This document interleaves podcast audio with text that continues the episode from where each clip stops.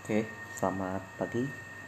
Hari ini saya ngasih podcast lanjutan tentang eh, bagaimana nantinya ketika Partindo dan PNI baru ini lahir dalam dunia pergerakan nasional, kedua organisasi ini bakal ngalamin yang namanya sebuah apa ya konflik lah dan konflik ini pun nantinya nggak akan lepas dari sosok dua tokoh yaitu Soekarno sama Hatta karena nantinya Soekarno akan berada di kubu Partindo dan Hatta ini bakal ada di kubu PNI baru. Mereka bakal saling beradu pendapat tentang gagasan mereka terkait bagaimana pergerakan nasional dan bagaimana perjuangan untuk mencapai kemerdekaan itu harus dilakukan.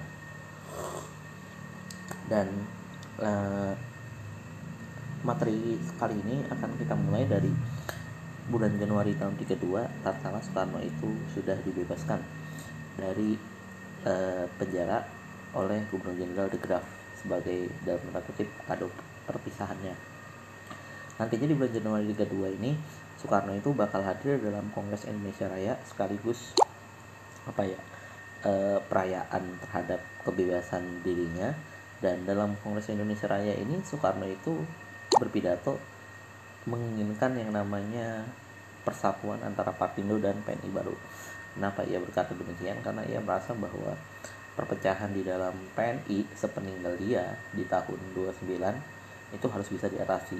Karena dalam menghadapi Belanda nggak boleh ada yang namanya konflik. Makanya di sini lewat pidatonya retorikanya Soekarno bilang bahwa ia ingin yang namanya mempersatukan eh, Partindo dan PNI baru.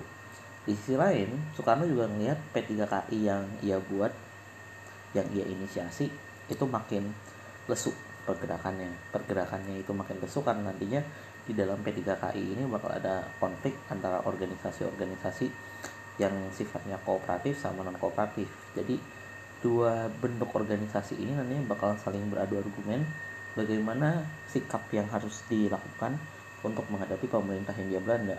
Apakah tetap non kooperatif seperti yang dilakukan oleh Soekarno di PNI yang berujung dia di penjara atau mulai beralih ke dunia kooperatif yaitu bekerja sama seperti yang dilakukan oleh PBI bentukannya Dr. Sutomo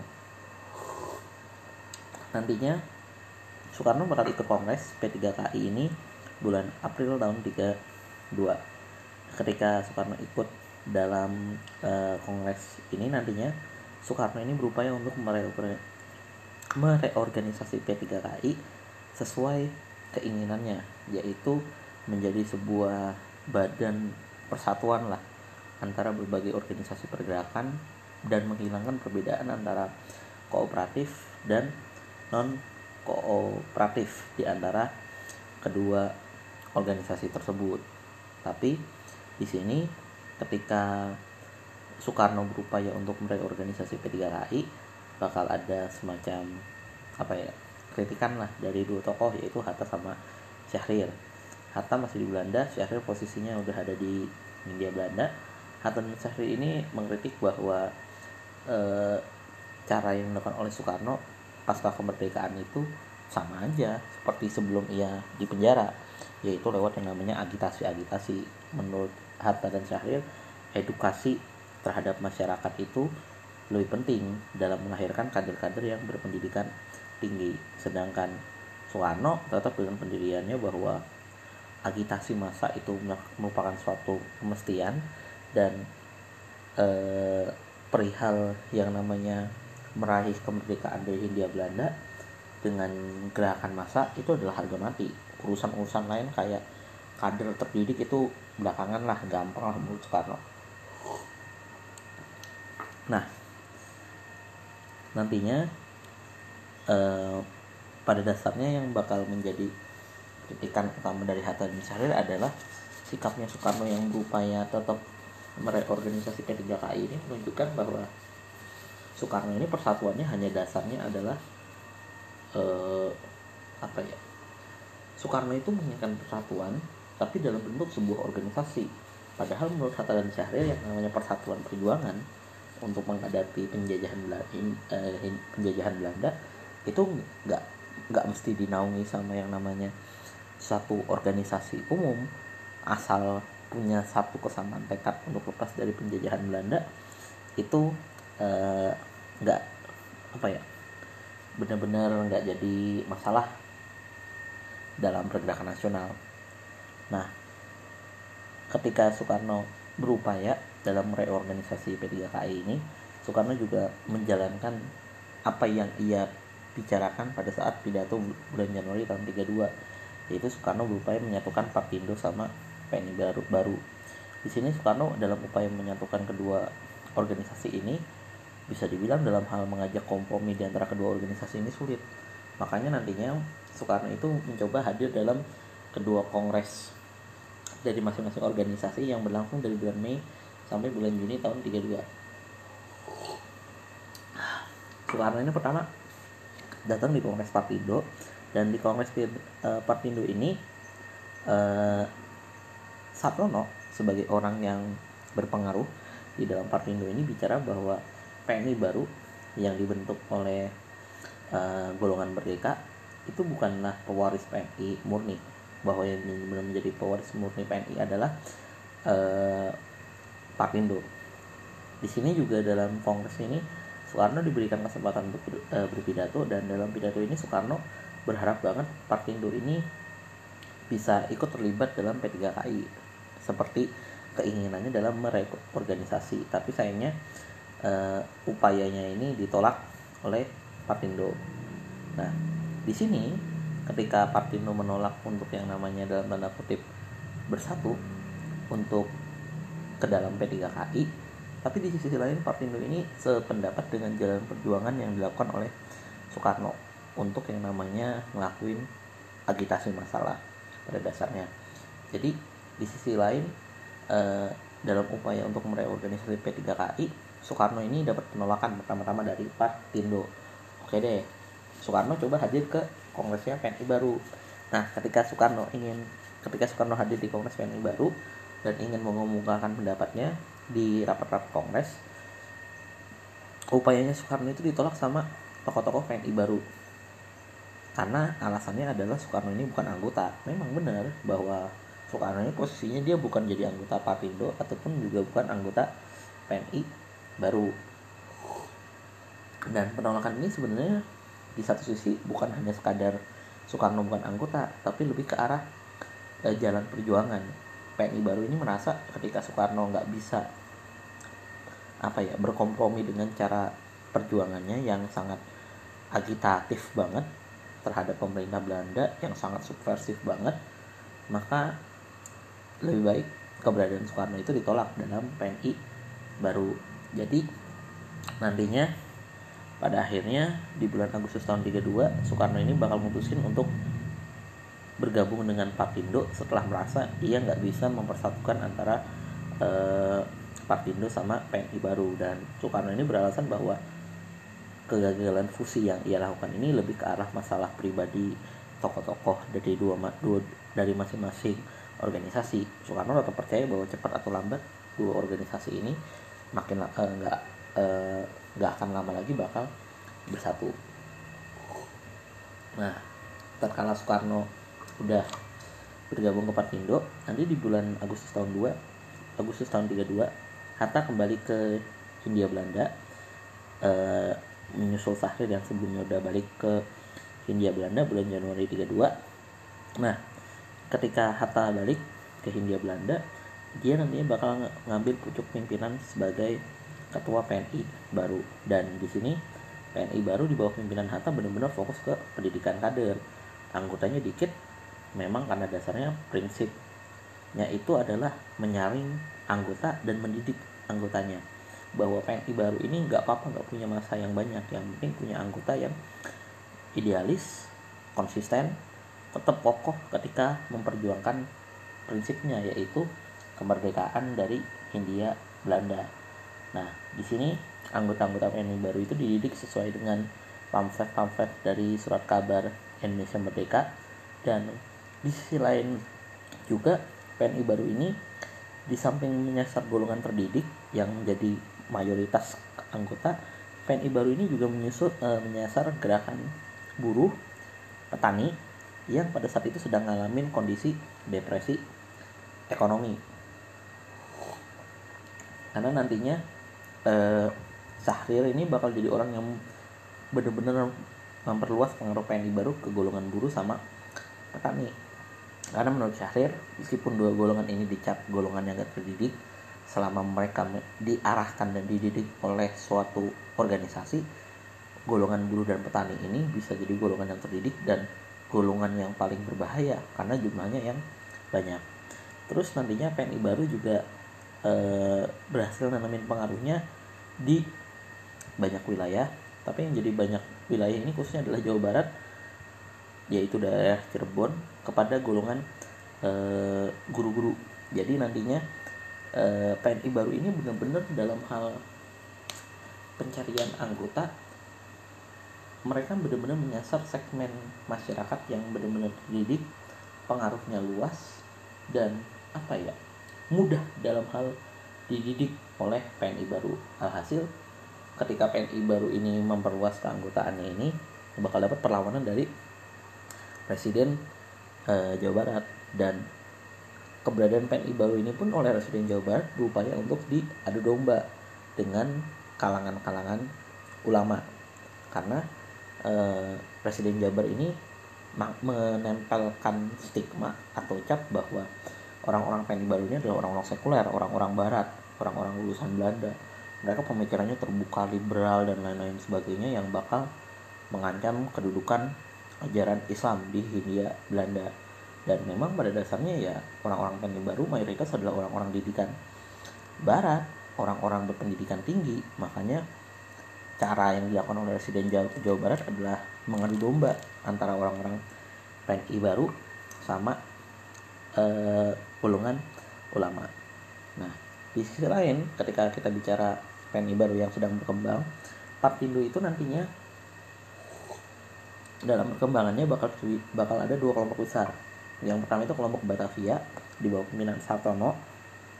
Mayoritas isinya adalah orang-orang profesional sama mahasiswa dokter Sofia sama mahasiswa sekolah hukum di Batavia. Di sini bakal ada tokoh Muhammad Yamin sama nanti uh, Amir Syarifuddin. Lalu nanti kelompok kedua ini adalah kelompok Bandung di bawah pengaruhnya Soekarno. Yang mayoritas itu adalah mahasiswa sekolah teknik sama sekolah arsitektur Bandung dan rakyat biasa. Nah, dua kelompok di dalam Partindo ini bisa dibilang jadi kelompok yang mayoritas banget dalam keberadaan Partindo. Tapi dua kelompok ini juga mencerminkan jalan perjuangan yang uh, sedikit berbeda.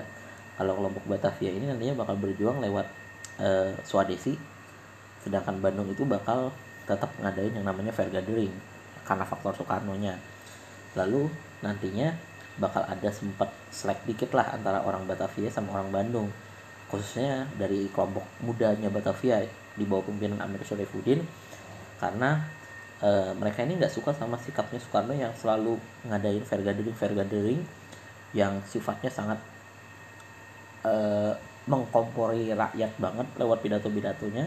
Dan menurut Amir Soekarno itu udah kayak bocah cuma bisa ngomporin dan Amir melihat bahwa Soekarno ini udah nggak berkarisma lagi karena uh, yang hadir dalam pidato-pidatonya di tahun 32 nggak sebanyak ketika ia berpidato dari tahun 27 sampai 29 di sini Karno pun ketika dapat kritikan dari Amir itu beralasan bahwa mumpung situasinya lagi depresi ekonomi ini di Hindia Belanda Soekarno berupaya mencari yang namanya aksi massa untuk yang namanya menggulingkan pemerintah uh, Belanda. Dan bahkan yang lebih ekstrimnya lagi adalah Soekarno ini sempat mencoba merubah Partindo ini menjadi PNI lagi nama organisasinya.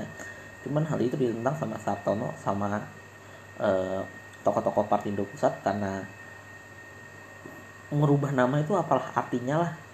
Sementara Partindo ini uh, cabangnya udah di mana-mana. Jadi ibaratnya ya nggak usah lah ngubah nama PNI lagi.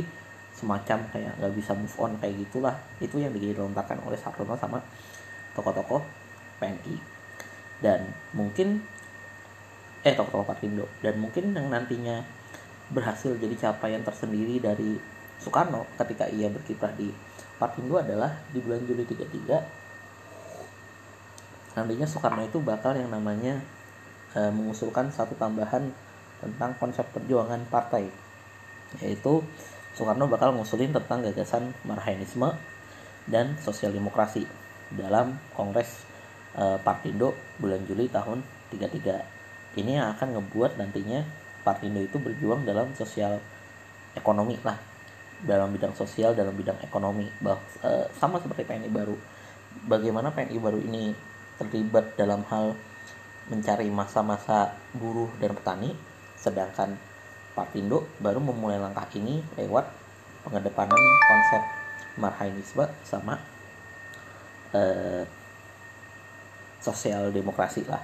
Itu yang nantinya silahkan teman-teman cari tentang marhainisme sama eh, sosdem. Nah terakhir di sini untuk nge-breakdown lebih dalam tentang bagaimana perbedaan dan konflik antara eh, Partindo sama PNI baru di penghujung video. Di sini pada dasarnya Partindo ini bakal diisi oleh kelompok elit yang lebih hati-hati yaitu orang-orang yang lulusan sekolah hukum lah. Mereka benar sangat hati-hati banget karena mereka nggak mau organisasinya itu diberi dalam pemerintah Belanda. Sedangkan PNI baru ini didominasi sama kelompok masyarakat terdidik lulusan barat sama masyarakat kelas menengah di Hindia Belanda yang jiwa revolusionernya ini meluap-meluap jadi bisa dibilang secara apa ya secara bentuk perlawanan PNI baru lebih berbahaya karena mereka apa ya punya konsistensi dalam melawan Hindia Belanda. Cuman nantinya baik Partindo dan PNI baru ini eh, memiliki persamaan dalam perjuangannya bahwa mereka berdua ini sama-sama menolak anarkisme dan percaya bahwa perjuangan eh, apa ya perjuangan yang sifatnya fisik melakukan pemberontakan dan lain sebagainya itu bakal jadi hal yang sia-sia. Bahwa Partindo dan PNI baru ini percaya bahwa yang terpenting adalah melakukan perjuangan yang sifatnya itu revolusioner yang benar-benar konsisten dalam memperjuangkan kemerdekaan Hindia Belanda mendorong yang namanya masyarakat apa ya sadar bahwa kemerdekaan itu harus dicapai dan hal ini akan membuat nilai tukar mereka itu di mata pemerintah Hindia Belanda bakal tinggi sehingga nantinya pemerintah Hindia Belanda bakal punya keinginan untuk uh, memberikan otonomi lebih lah bagi Hindia Belanda. Toh pada akhirnya di antara Partindo dan PNI baru ini mereka bersaing untuk yang namanya uh, memperjuangkan kemerdekaan Hindia Belanda dan di akhir sebelum untuk mengakhir sebelum mengakhiri podcast hari ini yang nantinya bakal saya lanjutin tentang bagaimana jalan akhir pergerakan nasional yang sifatnya non kooperatif ini bahwa eh, reorganisasi P3KI yang diusulkan Soekarno di bulan Januari tahun 32 ini bakal berhasil di tahun 33 di mana eh, banyak anggota-anggota eh, bakal banyak organisasi-organisasi yang sifatnya non kooperatif itu bakal masuk yaitu Partindo dan juga uh, eh, PNI baru.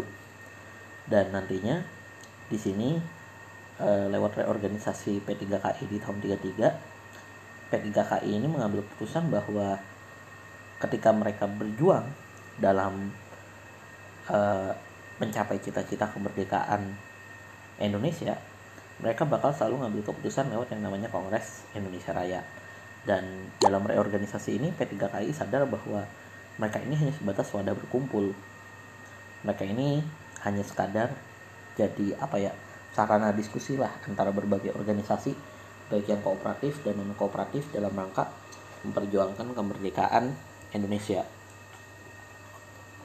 Dan reorganisasi ini di tahun 33 pada akhirnya bakal tercermin dalam yang namanya banyak kegiatan-kegiatan kampanye yang dilakukan oleh P3KI menghadapi berbagai keputusan pemerintah Hindia Belanda seperti kasus ordonansi sekolah liar lah.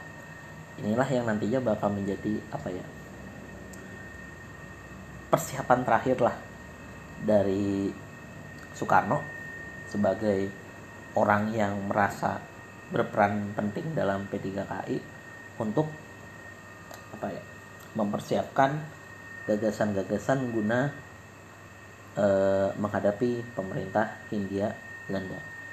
Itu aja mungkin buat podcast hari ini tentang konflik antara Papindo dan PNI baru podcast berikutnya akan ngejelasin tentang bagaimana akhir pergerakan non kooperatif di Hindia Belanda dan jalan ke pengasingan bagi tokoh-tokoh pergerakan pun dimulai. Selamat pagi, terima kasih.